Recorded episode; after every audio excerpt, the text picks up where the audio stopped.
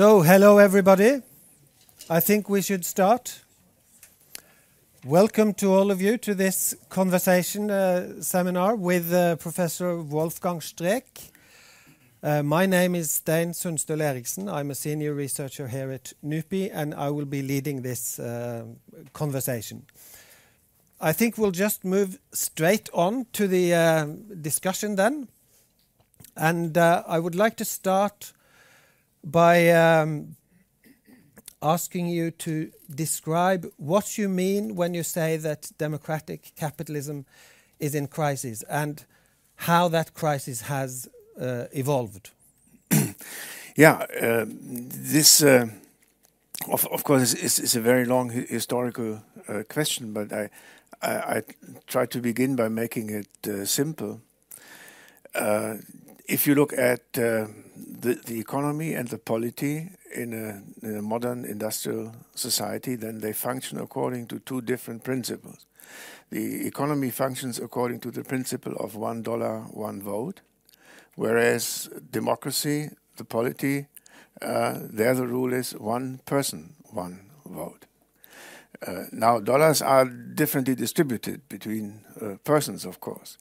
And uh, the, the, the, result of this is that uh, democracy in a modern uh, society uh, has a sort of egalitarian bias. the uh, it, it is in conflict with the uh, sort of systems of distribution in the market, which, which again, I, I functions like. Uh, if, if if you read the Bible frequently, you will remember Matthew nineteen twenty five. It could be also different, where it says, "He who has will be given, and he who doesn't have will be taken away, whatever he has. so that's, after all, what Jesus says, and and and this is basically how capitalism works. Yeah, it, you can call it cumulative advantage, where whereas uh, uh, whereas uh, uh, democracy with the uh, uh, where where the, the, the large majority of people who do not own capital exercise political power, they sort of introduce an, uh, a redistributive bias into into the political economy. Now, now that is has been known for a very very long time. Uh, it, it it is at the bottom of the fear of the labor movement in the 19th and 20th century that capital will gang up against them together with the old uh, uh, nobility, the army, and and sort of wipe out democracy uh, in order to get away from this redistributive threat. Uh, on the other hand, uh, the, the the elites on the capital owning classes in, were always sort of tempted to uh, to um, uh, abolish abolish democracy because they were afraid of the, the, majority intervening into their property rights. The, now, this has a very, as I said, a very long sort of checkered history. Uh, in the 1930s, uh, with the New Deal in the United States, uh, the, the so called neoliberal movement began around people like Hayek, uh, uh, Walter Lippmann. 1930 uh, is a year when, when, when, when they first met, so to speak, in Chicago.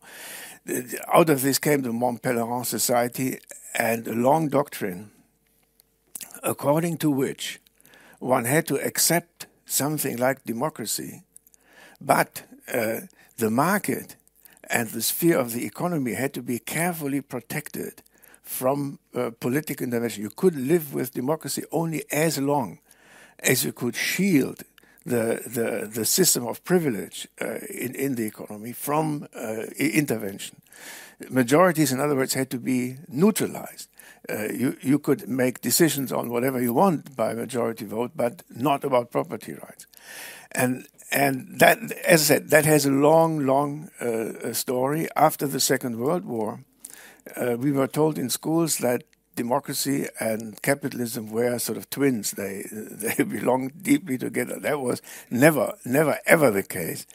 And but only in these sort of three uh, social democratic decades after 1945, when when when basically there were capital controls everywhere, when when uh, the workers' movement were were strong, uh, there were strong trade unions. Uh, the capital was sort of discredited because of its cooperation with uh, uh, fascism and, and, and so on. The working classes were strong because they came back from the battlefield, and and they insisted that from now on citizenship would mean something. Uh, no, because after all, they had fought for their country and they, they wanted their country to do something for them. And and I, after these sort of years, uh, I when, when I began to think about this, I saw this period break in the 1970s when suddenly these sort of neoliberal theories came back the economy can function only if it is protected from social democratic, socialist, or whatever intervention. Free markets are the ideal organization, but free markets uh, function according to property rights and uh, complete mobility of capital and, and so on, neutralizing the uh, intervening capacity of the nation state. And then we begin to interpret this new configuration, which we call neoliberalism. What is the role of the state in it? Neoliberalism very often sort of pretends that uh, uh, it, it, basically has no state, but but but the fact is that you need a very strong state to have a free economy, because that strong state, Carl Schmitt already knew this, has to fend off these sort of proletarians who always want to use the government to to take something away from the capital owning classes, and and you have to push them back in other words, as as Andrew Gamble wrote about uh, the, the, Thatcher government, uh, the, the, the free economy needs a strong state. Yeah, but the state is not an intervening state; it is a protective state. Uh, and and uh, in in Europe, it, it, it had to sort of maintain the appearance of effective democratic participation because people expected this, while at the same time that's typical sort of third way the social democracy, while at the same time opening up the societies to the pressures of international markets and hoping that market pressures will discipline, will do the disciplining so that the state doesn't do it. Yeah. So th- that was a rather long answer, uh, but it's a complex story, so to speak, uh, about these two. My to finish this off at this point, my uh, the fascination with this began when I when I began to look in uh, look seriously uh, at the European Union and how the European Union functions as a sort of technocratic government that very carefully shields economic policy from uh, democratic sovereignty. Because it has sort of 18 states and and and these states are sort of neutralized and and and you have a court you you have you have a commission which is not which is not elected that that do all the decisions. And uh, basically uh, you saw in Greece and, and you now see in the way in which Germany uses the uses the uh, European Monetary Union to impose its own monetary regime on the rest of Europe, uh, how this insulation uh, of the economy from uh, uh, political majorities, how that can work. So, um, this system, the neoliberal system that has emerged since the 1970s, it has, at least during the last 10 years, entered into a period of, you could call it crisis of, uh, or uh, stagnation. What are the sources of that yeah. stagnation, and what and what are its symptoms? Yeah, yeah, that's that is the, the, the big question. I think we know a little bit about this uh, the neoliberal hope was uh, to sort of sanitize politics of uh, uh e economics, take it out of the uh, of of to, take the economy out of political contestation. Now, if you if you reorganize the post-war democratic capitalist compromise in a neoliberal direction, uh, you get more and more inequality, according to the St. Matthew principle that I that, that I quoted. Inequality between classes and inequality between regions, which is sort of becoming extremely important in the in the in, in the global system. Uh, these inequalities where you still have uh, the capacity for democratic mobilization uh, become the the the focus uh, of political uh, discontent and political uh, expression. As long as you have elections, and that's something that Hayek and people they wanted to sort of to sort of, uh, change the electoral system so that uh, elections would never be about politi- about the economy. Yeah, but we still have that. Uh, now you uh, now we've seen a long period where the social democratic parties and the center left parties uh, sort of, for all sorts of reasons, began to side with the internationalist uh, uh, perspective on, on the economy, thereby neutralizing the power of their own states. Where, where you have protest, it sort of expresses itself in new movements uh, that uh, uh, have sort of dissociated themselves from traditional social democracy. Uh, these can be right wing and left wing. It could it could be Bernie Sanders. It could be it could be uh, uh, uh, what's the name of this guy? Trump, and and it, it, it could be it could be Corbyn, it could be AfD.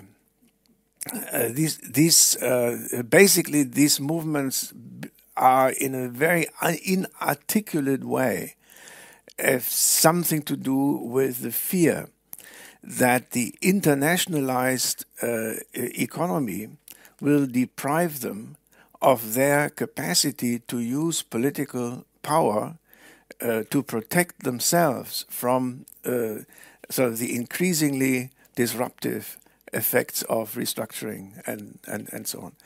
And uh, my, my own view of this is that since we, uh, uh, center left, uh, or in my case, left, center left, left, people have failed to provide uh, a uh, language for this sort of process because we didn't uh, uh didn't anticipate it in this way. Uh, now all sorts of demagogues are beginning to enter into this field, and that that results in political blockades, in in sort of all sorts of very strange political conflicts eh, about where where basically the conflict is about the functioning of the political economy and the embedding of national and regional economies into the global economy. What we're talking about is is is immigration. Yeah, it's a very strange uh, sort of uh, uh, movement of the axis of of conflict. Yeah. So, so the the historical moment, of course, is 2008. Uh, 2008 is is is a year when, uh, of course, the, the financial crisis in in most countries, uh, average um, uh, incomes have not yet returned to the level of pre 2008, and and that is very important because in a capitalist a capitalist society is based on growth, not just on growth of capital of course, growth of capital is, is the main game, but you also need some sort of uh, uh, accretion of, of prosperity for the rest of the uh, of the population, because otherwise, they why should they basically work for uh, accumulating more and more capital if if if all they have is what they always had? Yeah, the, we have a sort of artificial subsistence economy for 80% of the population, and the rest are sort of becoming richer and richer. And, and that's something that you cannot do forever. That's my view on that. Uh, in the book Buying Time, you describe um, the uh, transition from what you call the tax state yeah. via the debt state to the consolidation state. Yeah. Could you explain a bit uh, about uh, that analysis and those stages in the evolution of? Uh, yeah, yeah, that, that's my sort of my uh, uh, historical DNA uh, model. There, there's another another development sort of screwed into this, which is the transition from an inflationary to a public debt society, uh, economy to a private debt e economy. This is closely linked to to this. In in in essence, uh, uh after the end of post-war growth and the end of capitalists being intimidated by the possibility that there was an alternative system and that you couldn't really trust uh, uh unions and social democratic Take, for example, take, take, Sweden in the 1970s when, when capital was seriously concerned that the workers' funds would, would sort of absorb, uh, uh, nationalize uh, Swedish uh, capital. Yeah. The 70s are the tipping point, not just in Sweden, everywhere else. In, in the 70s, uh, we enter into a high inflation period. Why? Uh, because after the profit squeeze of the late 1960s and the worker unrest everywhere, 68, 69, uh, uh, capital was sort of uh, very intimidated. They didn't know what, what to do. They, they, were looking for a way out. Globalization begins at this at this time in series, in in earnest, and and um, uh, the governments saw that now uh, for external as well as internal as well as political reasons, capital was no longer willing uh, to make concessions to the working class. The result of this, because they were afraid that this would lead into a different system, the result of this was uh, inflation. Why? Uh, high wage settlements uh, that would, under normal conditions, have resulted in, in unemployment were accommodated by central banks by sort of injecting money in, into the economy, so that the money illusion on the part of workers and and partly on the part of capitals, uh, capitalists, uh, so created the uh, the impression that there was something like distribution, redistribution going on. Uh, so in the 1970s, we get inflation rates of up to 20% in the United Kingdom, uh, 18% in, in America. Only in German, Germany, for some sort of strange reason, we we didn't have that that sort of inflation. So so inflation was a was an instrument uh, to manage. Uh, the tensions between capital and labor in the 1970s. But if inflation continues, uh, then so it, it uses its usefulness as a political tool because then uh, uh, the capital owners become extremely nervous. Uh, their their stuff is losing value all the time. So in 1980, the American central bank ended inflation uh, through in in the entire Western world by raising American interest rates to 20% for a while, Volcker in, in, in 1980, causing deindustrialization, uh, all, all, sorts of problems, uh, huge unemployment everywhere. Uh, the result of which was that now another tension uh, arose the, the, the, tension about the about the, the welfare state and the uh, means of uh, responding to economic crisis. That again was uh, it couldn't be settled by inflation, but it was settled by uh, the debt state, by uh, by sort of public debt. As inflation goes down, public debt goes up. that's the sort of the, the 1970s, 1980s. It is another instrument of managing tensions, basically functionally equivalent. Uh, no, not the same, but it has the same property that after a while it loses its usefulness. Uh, so the, by the mid 1990s, at the latest, uh, public debt became a nuisance for uh, uh, capital in the sense of capital being the creditors. Creditors want to know that the debtors can pay the stuff back. Uh, so in the 1990s, everybody was concerned that now st states everywhere in the West were so indebted that they would not be able. They might go uh, uh, declare bankruptcy. So states can declare bankruptcy, and then they apply a haircut. Basta. That's all. Uh, you, you, can't take a, a, state to court. So, so what what happens uh, in the mid 1990s begins a great consolidation wave. Uh, that consolidation, however, uh, resulted in a withdrawal of purchasing power from uh, from these political economies that had to be compensated for by a third trick. The third trick was private debt. So then you open, uh, uh, the, the, you deregulate the credit markets that had already been deregulated for the state to uh, to to to, uh, to indebt itself. Now for the private sector, and household debt goes up as public debt goes down. I, I discovered this when I initially, uh, very early in the after 2008, I had to give a lecture at the University of Bielefeld on the on the crisis, and that was a time when these people didn't have good technology, so I couldn't use I couldn't use PowerPoint. What I had to use were these sort of foils that, that you can put, and I had them. I had my foils sort of on top of each other, and, and I looked at them and I saw right? How how inflation goes down, uh, private debt goes, public debt goes up, and how public debt goes down, private debt goes up. And I thought, my God, yeah, this and and and I remembered uh, John John Goldthorpe's uh, analysis of inflation in the nineteen in the nineteen seventies. Inflation is an expression of lack of trust, uh, political uh, political tensions, uh, an attempt to moderate political tensions. Then uh, the the debt state, exactly the same analysis from the from the anti-Keynesian um, anti-Keynesian public choice people and then my friend Colin Crouch in the 1990s invents this notion of privatized Keynesianism, Keynesianism being at its end because you had to repay the debt, uh, but then you privatize it. You, you give the, the, the cash to individuals. And, and this thing, uh, this is intertwined with sort of the, the what I call the, the, the crisis segments inflation, uh, public debt, private debt, intertwined with the tax state as, as uh,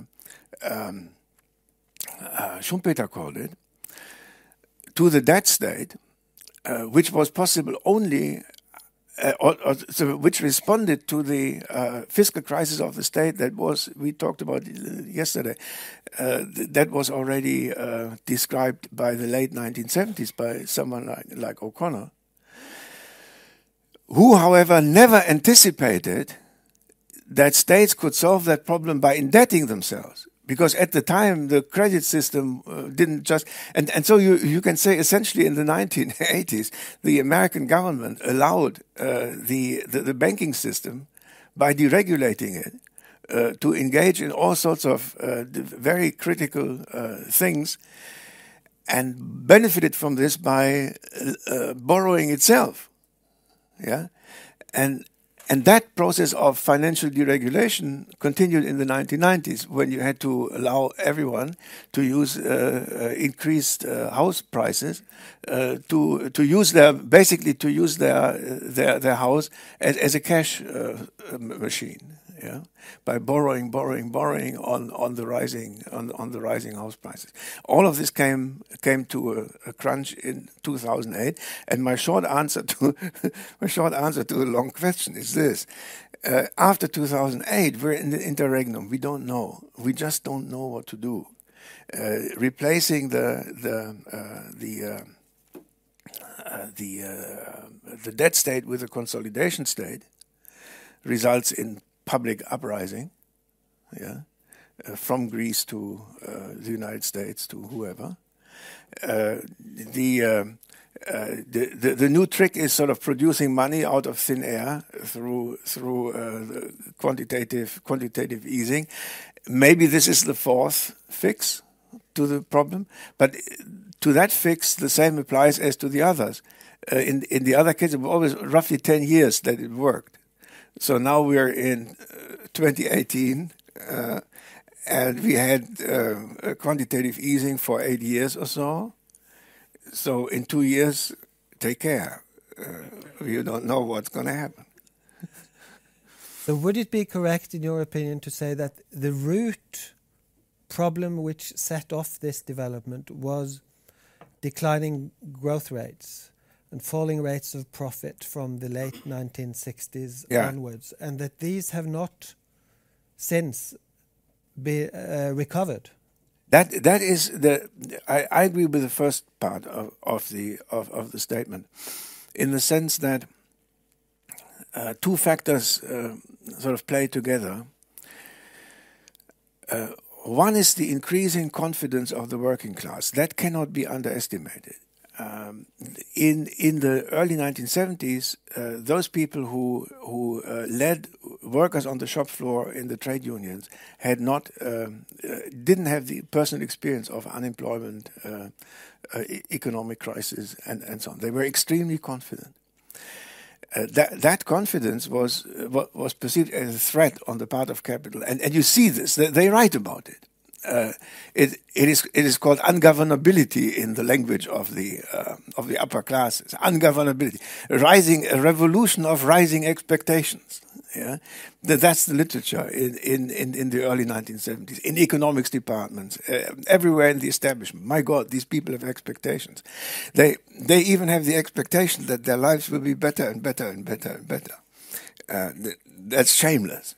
Yeah, uh, we're not going to we're not, not going to pay for this, and and and then of course there's another another uh, uh, group of claimants uh, which Steen basically relates also to your work, which is the third world. In in other words, um, uh, the, the, the, capitalist growth machine depended on cheap raw materials that you had to buy from the periphery. And in, in the early 1970s, the oil producing countries sort of wanted their share in the same way as the working classes. And so you had two different claims uh, on, uh, on, on capital coming together at the same time. And you had decolon decolonialization, where uh, the, the, big uh, danger was that more uh, countries then the Arab countries, the, the, oil producing countries, would get together and, and demand uh, their share in the prosperity of capitalist countries. so uh, so then you had to invent a new economic world order.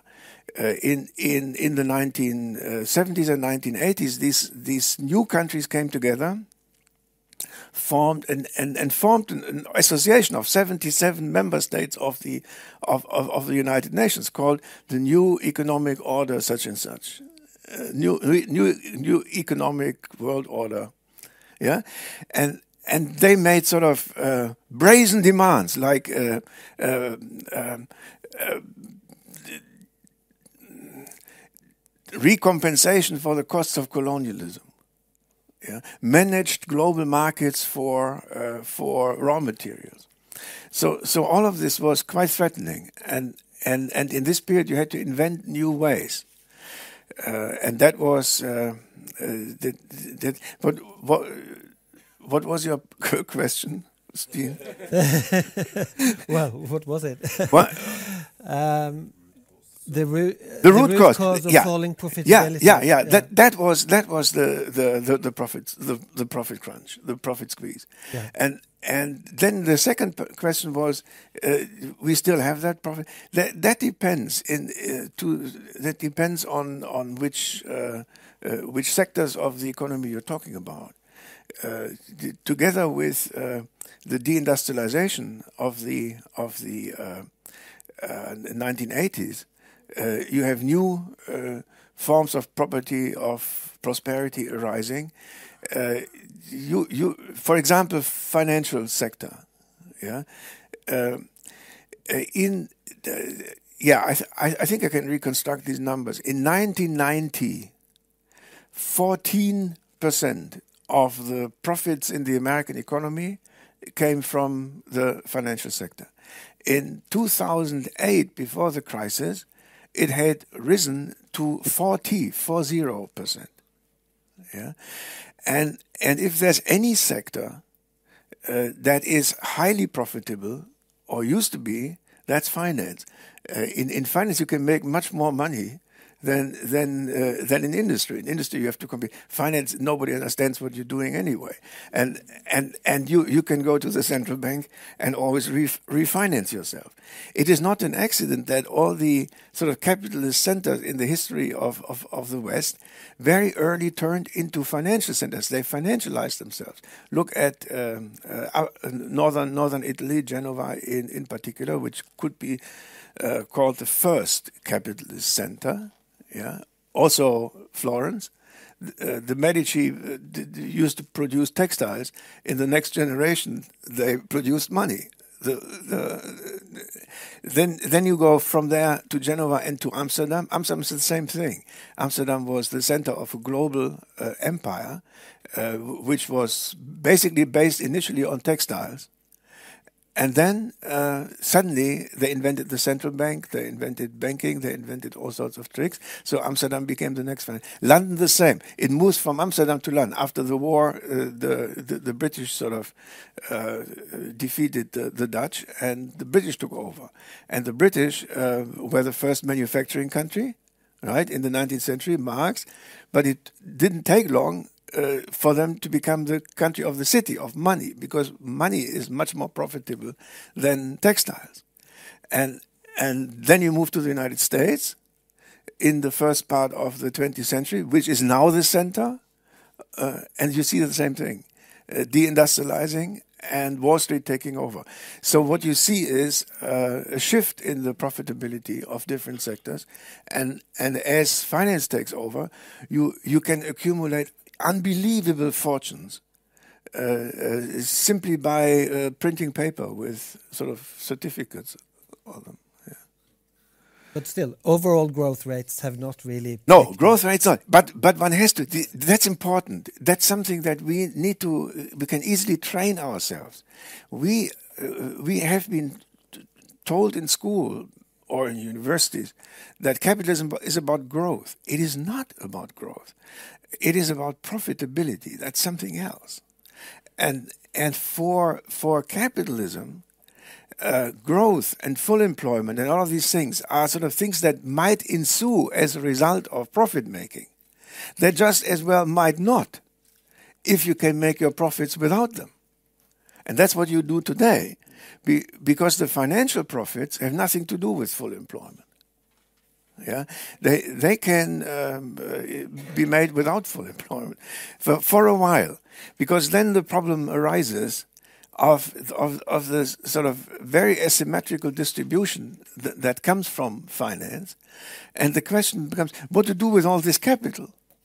Uh, because there's no demand anymore for, for, for, for things. Because you, you, you sit on piles of capital and you can't invest it because there's nobody uh, who, who has money to buy whatever you invest in. So it, that's the old Keynesian, the old Keynesian problem. You, you need some sort of purchasing power in order to invest. So what do they do? Basically, they keep the money in the financial system, and they sort of sell the money from one to the other and deduct fees, and the fees make them very rich. And and if they need more money, they go to the central bank and sell to the central bank the papers that, have, that they have sold to each other, and the central bank gives them cash for, for, for it. So that's a self sustaining circle. How long? I don't know. I, I don't think you can do this forever. Following up on finance, this touches upon the question of of, um, of globalization. Yeah, and uh, one key implication of the globalization, especially perhaps the globalization of finance and the deregulation of capital movements, has been that uh, the scope of action for states becomes severely constrained by structural yeah. factors which states themselves cannot really do much much about. Is that yes, would you agree with that? Absolutely, and and in fact, uh, I've uh, I've been reading a book new book by a guy named Quinn, Quinn Slobodian, uh, whom I'm supposed to review for a, uh, for a journal. I think that's the best, uh, absolutely the best source on exactly that point, uh, be, because because what what he describes is the uh, uh, the invisible power of the mobility of capital as a disciplining force uh, on nation states. Yeah, you can live with nation states. So, so he describes in the, I mean, in the book uh, uh, Buying Time, I discover this guy Frederick Hayek, uh, Friedrich, Friedrich August von Hayek, as the main architect of the neoliberal uh, of the neoliberal world. Slobodian uh, much more. Uh, he's an, he's a uh, historian of ideas. He's much much more precise than I was in in this in this book. He really shows that I was right, but without without knowing without knowing why I was so right. And and now I read this book and I think, my God, yeah, that you should all have known. And and Hayek essentially after the war uh, faced with the uh, with the rise in the number of nation states from 60 uh, at the beginning of the of, of the United Nations to 150 in the 1970s. Now it's 200. Yeah, faced with this, he he complains about the end of empire. because empires had been able to create large markets. Uh, what to do if you had to accept that there could be no empires? And then he uses the term of dominion as the as the replacement of of empire. And dominion is the right to property enforced on an international scale, so that these states will not have the, they may be sovereign, but under the new world economic order, they should not have the right to expropriate property. The right to property should be above the level of, uh, above the sovereignty of states, which means an enormous sort of curtailment of democratic politics. And if you think about it, it also means privatization, because why should the state have property if uh, uh, the right of private property precedes Uh, uh, everything. And, and that is sort of dominion means property, and uh, property rights means, uh, by implication, the right to move wherever you want. Yeah, that that goes back even to, to Adam Smith where Adam Smith in a, in a, in the Wealth of Nations has this uh, really impressive. This this guy. I, I, mean, I can only recommend that you read the first uh, six, seven, eight chapters of of the Wealth of Nations once again, because everybody claims they have read it. Uh, very few people actually have.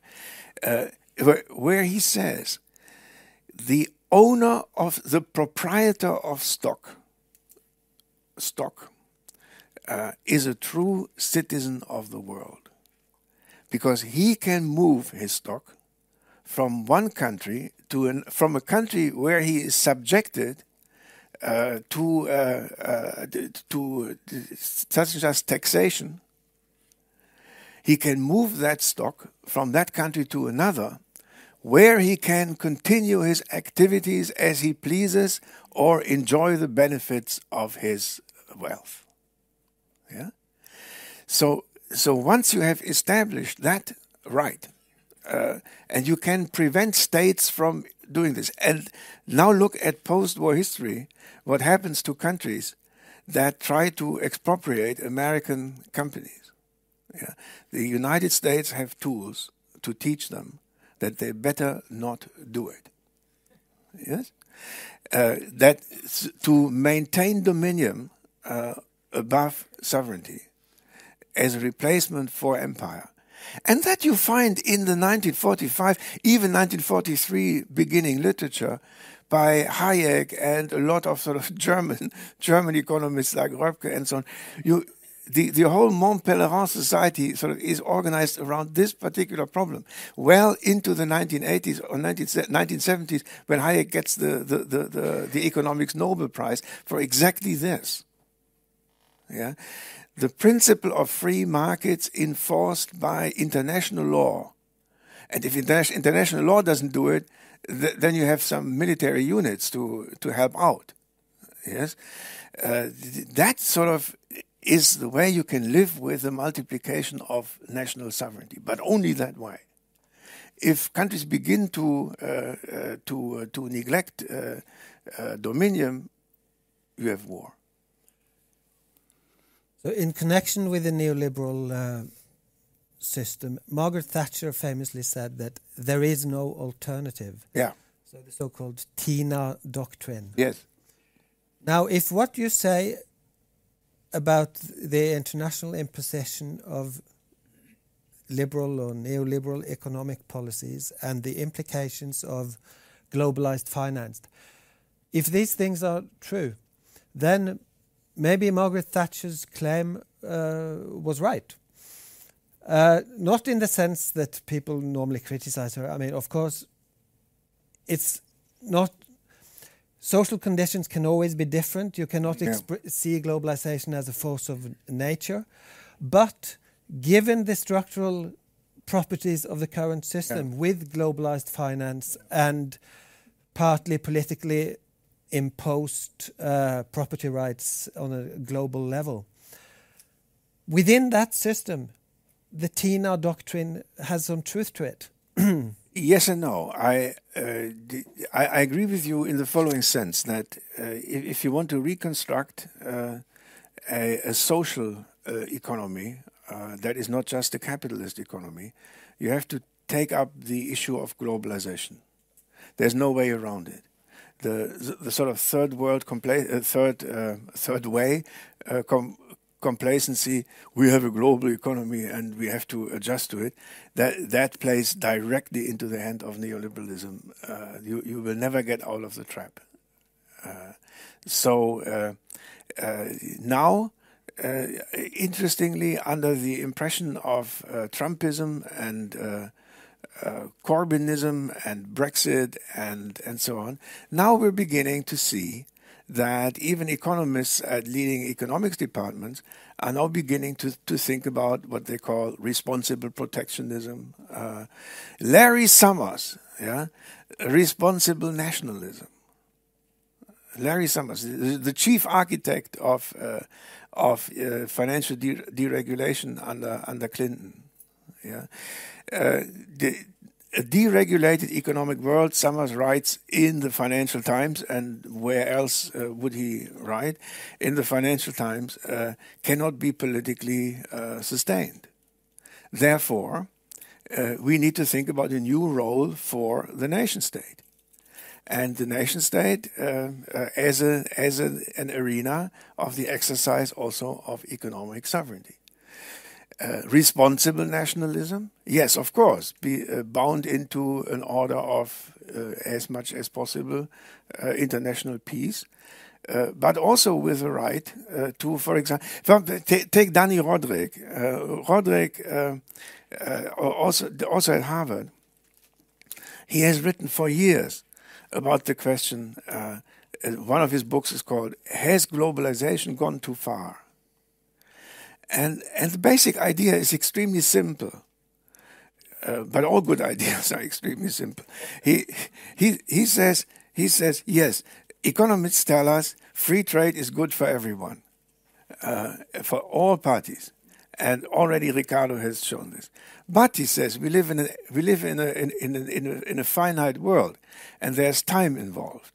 Maybe initially it's only good for some, and others suffer yeah, and and the the um, uh, the uh, healing of the suffering may take a lot of decades, so that an entire generation or two are wasted as a result of free trade until the equilibrium has been restored. And no responsible democratic uh, politician uh, can, uh, can tolerate this uh, can you sacrifice a generation on for the for the benefit of the next generation? That's at least that's an ethical question. It's a political question, and so on. So managed trade now they are now, now they're increasingly talking about uh, a free uh, trade world with exceptions, unlike under the uh, under the um, um, regime of the World Trade Organization that individual countries can claim protection for individual uh, sectors and so on. Uh, th- the same applies to financial globalization. Financial globalization is not something that has happened like, like nature. It, it, was, it was imposed by the World Bank and the International Monetary Fund on countries that were applying for assistance. And, and they were told, uh, yes, you can have some assistance, uh, but you have to admit American credit cards. Yes? So so uh, uh, I think that's the fundamental problem. In a recent uh, in recent work, I, have become interested in what I call political scale. That is, how big should and and might a sovereign political unit be? It's interesting to see that most states are very small. Uh, so Norway has, I think, four million, uh, five million uh, uh in, in, inhabitants. That, that's much closer to the average, which is uh, like seven million. Than, than, for example, Germany. Germany is very big. M- maybe as Guy de Maupassant, Frenchman, used to say, I love Germany so much that I would like to have more of them by, cutting by cutting it in pieces. Yes, uh, maybe that that would be good for for the rest of the world. Uh, in in any case. Um, um, what are the advantages of small size in a world in which you want to manage your uh, economies and not just uh, sort of let the world market uh, determine your fate. If I may um, use two more minutes to, to, to say that, in in um, in an interesting way, small size means uh, less heterogeneity, more homogeneity. Also in terms of uh, of um, uh, industrial structures. So you marry uh, a territory with one or two sectors. In Denmark, you don't build cars, but what you do is you have a strong sector of business consulting or uh, logistics. Yeah, but but with Danish logistics and consulting and design, Denmark is already busy. Uh, they they don't have more sectors. As a result of this, you can use your uh, the, the, the political tools of a nation state to promote uh, these uh, sectors so that they can find a niche in the global economy where they can, by and large, survive. Be, because then you use the educational system, you use the infrastructure, the public infrastructure, and so on to promote these uh, sectors and make them sort of. Let's call industrial policy. Industrial policy is much easier in a small state than it is in a big state because in a big state uh, you, you don't know what sector to attend to, and you would have to make decisions. Like in Germany, we we are for automobiles and and against uh, mining, but but uh, of course the brown coal or the soft coal miners uh, are, are, not uh, uh, eager to support such a policy. Yeah, so so small size, homogeneity. Uh, the the um, capacity to specialize on particular sectors and niche seeking in the global economy can be can be uh, a, a, possible way of of using uh, uh sort of national sovereignty as a tool to uh, improve. And also in a in a small in, in, a small country, you have less regional regional conflicts. Yeah, oh, I know, I know, I know. yeah before I came here, I read a little bit about Norway, and and and it is it is true that that this doesn't apply always. Um, but then it is interesting to see, for example, that a small country like uh, uh, like Switzerland is extremely decentralized because they have different four different ethnicities, and they have developed a formula uh, how you can be a nation state without a state nation. Yeah, and and the, and, and and the trick is federalism. Uh, so federalism sort of lowers the level of of uh, sovereignty and and authority even one step further. So that one uh, part of the country can specialize on X and the other can specialize on Y. But sectoral specialization, assisted by public policy uh, in smaller units, may actually be a formula uh, how you sort of uh, get to a managed uh, economy that is not Hayekian. Maybe this relates back to what something that you've written about earlier about varieties of capitalism. Um, in your recent work, though, you see, have been more concerned about what you've called the commonalities of capitalism. Yeah. So the question then becomes how much scope is there for a variety of capitalisms along the lines that you just suggested, given the pressures towards convergence, especially associated with globalization? If I, uh, when, when I um, um, shifted the perspective from varieties to commonalities, that basically re reflected my uh, experience, similar to the experience uh, that I described at this Bielefeld uh, uh, conference. You suddenly see something that, that you didn't see before, and and these curves were averages uh, for the 20 or 25 uh, capitalist countries, not just one country, and and the variation around these averages was surprisingly low. Yeah. So in the 70s, everybody had inflation. in the 1980s, everybody began. Now you can say uh, where they had oil, they didn't have uh, they, they, didn't have public debt. Forget it. But but the rest of the world functioned exactly like that.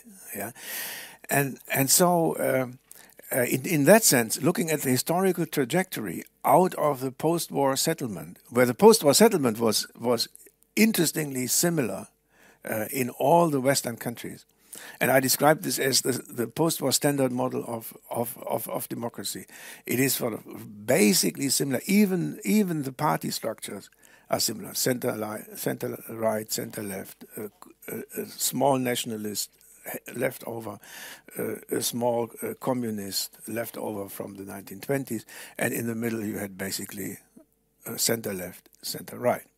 You had strong trade unions, you had collective bargaining, governing the entire economy. In my in my view of the world, uh, trade unions and collective bargaining are part of the model of democracy. It is only in recent years that people don't say that anymore because the basically trade unions have disappeared in most countries. Uh, so uh, you have an independent judiciary, you have a press which basically is free. Uh, if if in Germany you you advocated for uh, communism, of course, you went into prison in the 1950s. But but apart from that, um, uh, it was a free uh, press. So you can this this model was pretty much universal. Yeah. Then uh, the basis. Then the ba- then what what we talked about in terms of varieties, where different logics how this model played itself out in economic terms. So, for example, up to the present day, Germany is an over-industrialized uh, country that depends on a uh, on a stable currency and on uh, export surpluses, whereas France is a country uh, that is politically highly uh, centralized, uh, requires a deficit in the in the state budget, uh, which is then afterwards uh, sort of caught up with by the Grand Projet that they they have sort of very good industries, but they they all work on sort of state pressure, and and the government first has to take the lead. Yeah, therefore you need more. Uh, you you need more uh, leeway for for budget budgetary policy. Uh, Italy is a country that is driven by domestic consumer demand, always was, as a result of which you need a relatively high level of inflation. Uh, th that can be rectified in a normal world by devaluing the, the, the currency once in a while, and then you can uh, continue to flourish. Yeah. Now the Germans have imposed their uh, uh, model on the rest of Europe, as a result of which the, the French suffer because they can't have budget deficits anymore. The the Italians suffer because they can't have inflation anymore, and the Germans are the sort of are the prosperity zone of the of, of the eurozone. Uh, uh, and and and everybody, every every all the capital goes to Germany, all the investment goes to Germany, and the others wonder why it doesn't happen there. Uh, the, uh, the, that's where we talk about varieties of of capitalism, different sort of economic styles, different ways in which this this complicated compromise between privatized capital accumulation without end and the ways people live yes, the the um, the Lebenswelt, so to speak, the the complicated compromise between the two uh, takes different forms in different countries. Uh, and and of course, Latin countries function differently than northern countries, as we all know. Uh, and and uh, the United States function uh, differently from uh, Brazil. I don't describe this in terms of value judgments. I describe this in terms of different solutions to the fundamental uh, paradox of uh, of capitalism, which is that uh, people tend to be essentially satisfied with the way they live, whereas capital doesn't allow them to do this because it requires ever more continuing Protestant ethic like uh, continuing effort so that capital can grow you have to re-educate people to become sort of endlessly busy. endlessly busy, even if even if it doesn't make any sense anymore. They they basically have everything that they that they need.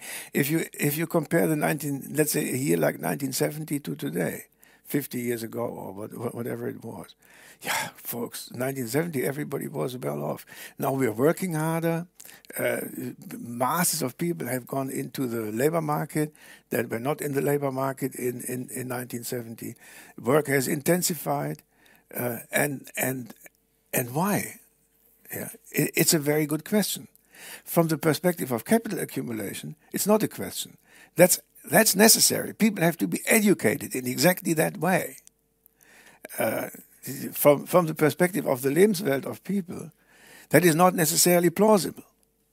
Yeah, and and and so in different countries you you, you get different compromises between what I call the the subsistence mentality uh, that easily spreads among people, and the uh, the uh, necessity for capital to grow, uh, the Latins have different ways of coping with it. The Germans have the Germans internalize the growth uh, uh, the, the, growth principle, and then they work and work and work and work and work, and, and others handle it differently. Yeah, uh, but that's what when I when I talk about the varieties of, of capitalism, and it has an important uh, has important impacts still to the to the to the present day, because institutions and uh, if you want cultures uh, are very difficult to change. Because if you begin with one, take take Italy, yeah? uh, Renzi.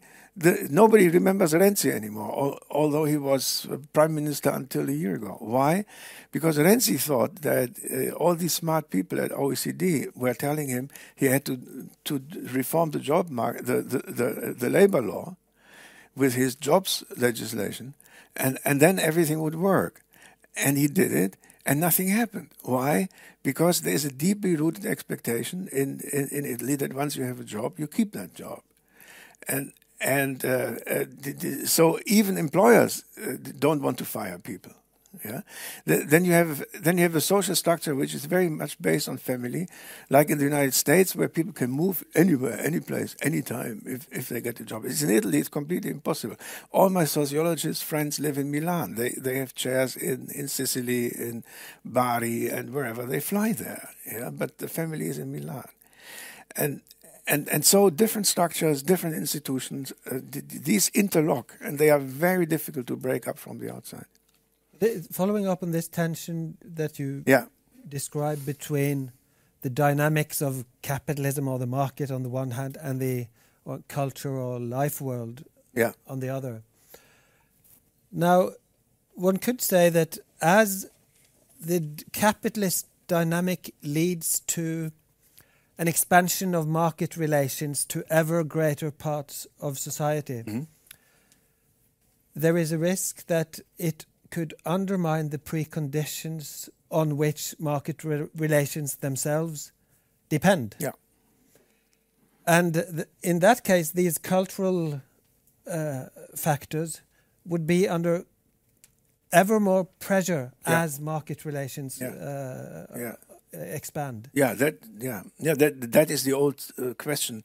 You you can have a positive and a negative uh, sort of expectation based on it. The the positive expectation, quote unquote, is that markets undermine themselves by undermining trust, uh, uh, confidence, and, and so on, so that capitalism uh, destroys its own preconditions. And, and then we get at a point that's an old socialist, um, uh, also Catholic, in, incidentally, uh, uh, topic. Um, at, at, some point, capitalism sort of has eaten up social resources that cannot be replaced uh, in a competitive, money-driven uh, uh, society.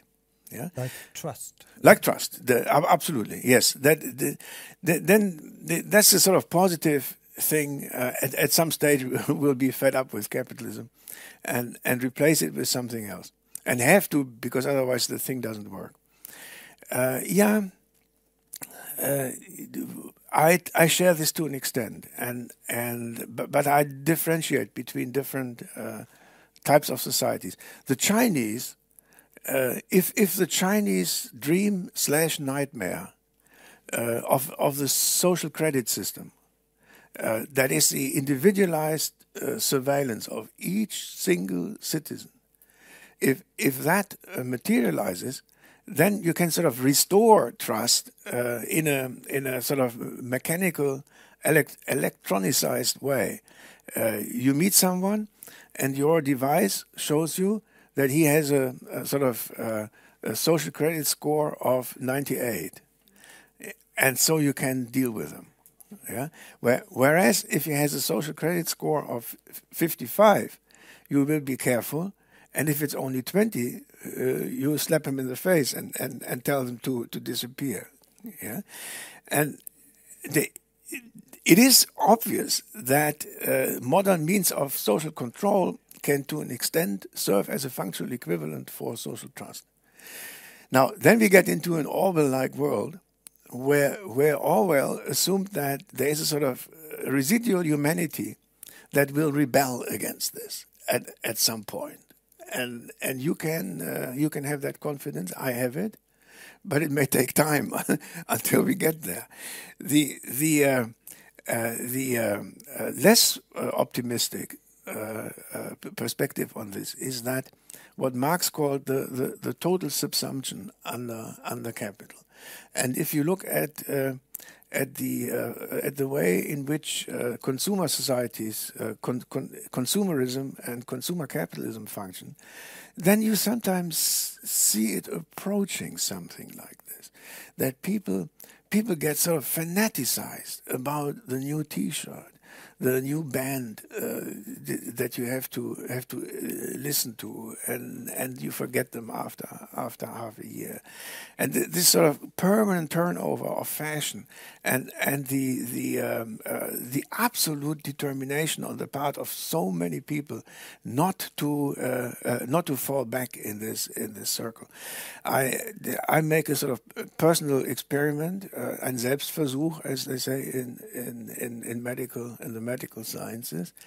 Uh, I'm I'm on Twitter and I'm I follow the Kardashians. I, I don't I don't know if you know who the Kardashians are. uh, every day they tell you which pizza they had last night and to what party they went and and and what sort of product you have to buy in order to keep up with the Kardashians. And they have they have I don't know 60 million followers and and the youngest Kardashian, which is now 18, is already a billionaire for all the products that she sells, simply by sending you uh, Twitter messages. Yeah. They they all look fabulous. I guess it's a depressing thought that this, these things can serve as a stabilizing uh, yes, social. Yes, that is the depressing uh, but thought. in, but that at the same time as you have this tendency, yeah, you have the growing revolts. Yes, yes, yes. And that those could be seen as an indication yeah, yeah, yeah. of a Conflict. protest against the well, you could call the neoliberal regime. Yes. Which brings me, before we close, uh, to the question of um, uh, contemporary populism.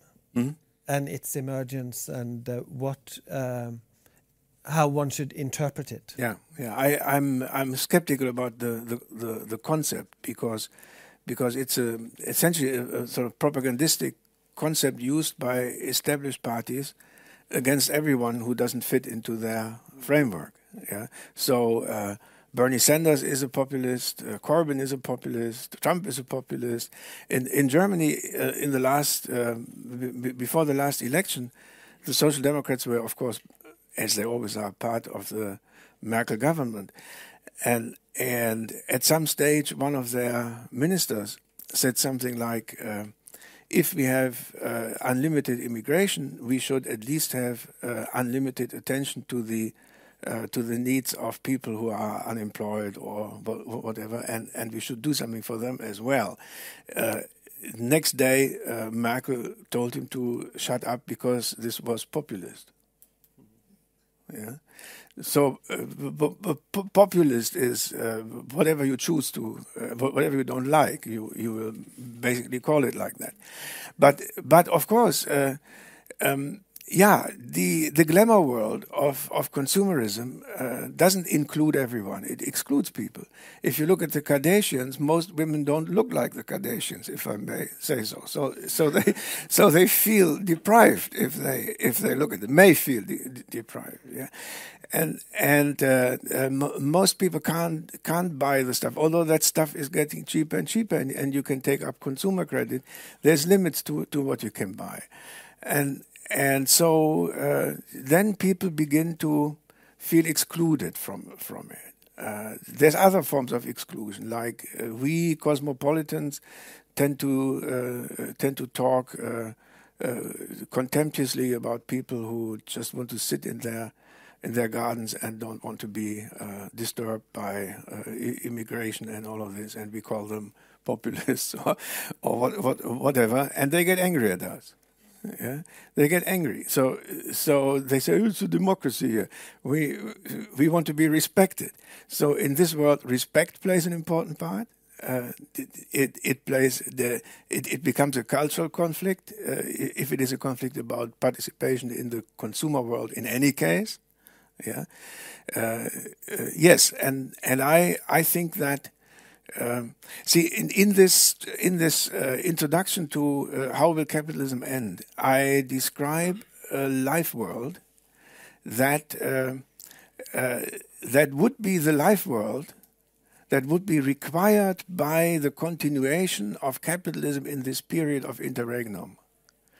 And I organize this around four topics, four sort of uh, attitudes that people uh, or, or behavioral patterns that people have to adopt in order to stabilize a systemically unstable system. And I call this coping, everyday coping. Yeah, if, if you look at young families with two children and two jobs, uh, it's unbelievable what these people do in terms of planning and so. So coping, hoping, hoping is extremely important. It becomes a, a, an obligation, a duty of citizens to be hopeful.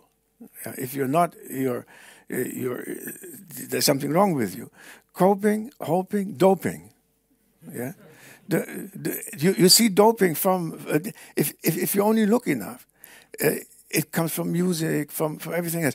People in the morning go, go to work, everybody listens to his own music, and they are sort of being pumped with rhythms right in the morning so that they can function. Yeah, it's a, the, the, historically a completely different use of music from what it used to be before, where, it was a communal event. You you were looking, you were listening to someone who was playing there, and everybody else was sitting around. Now it's sort of consumerist, individualistic, and it has doping functions. Yeah.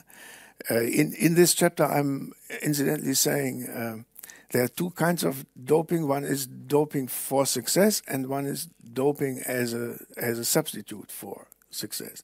Those that dope uh, as a substitute for success go to prison because they are the normal street do doping guys.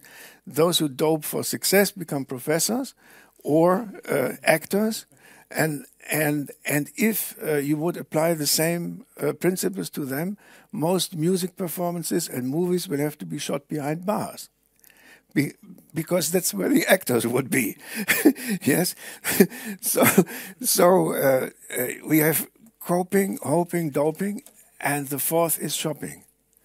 Uh, shopping as the uh, the uh, uh, sort of activity around which social life becomes organized. Look at a family over the weekend when they go to a shopping center. They don't know what they are going to buy, but they have a communal experience. The, the children, the, the parents, they have no communal experiences anymore during the week. But, but when they go shopping, it, it's like a little roaming family band in the Stone Age, which, which sort of goes and looks around what animals there are that they can eat. Yes. So, uh, uh, and in the end of this chapter, I'm, I'm, I'm saying that I cannot imagine that uh, you can breed a generation of people who would be satisfied with those four activities. Maybe for a while, but not forever. And that's the sort of even the the small ray of hope in this pessimistic scenario. We'll have to say thank you to Professor Streeck and to everybody in the audience. And uh, welcome back to our next seminar in the series, which will be announced on our website. So thank you. Thanks.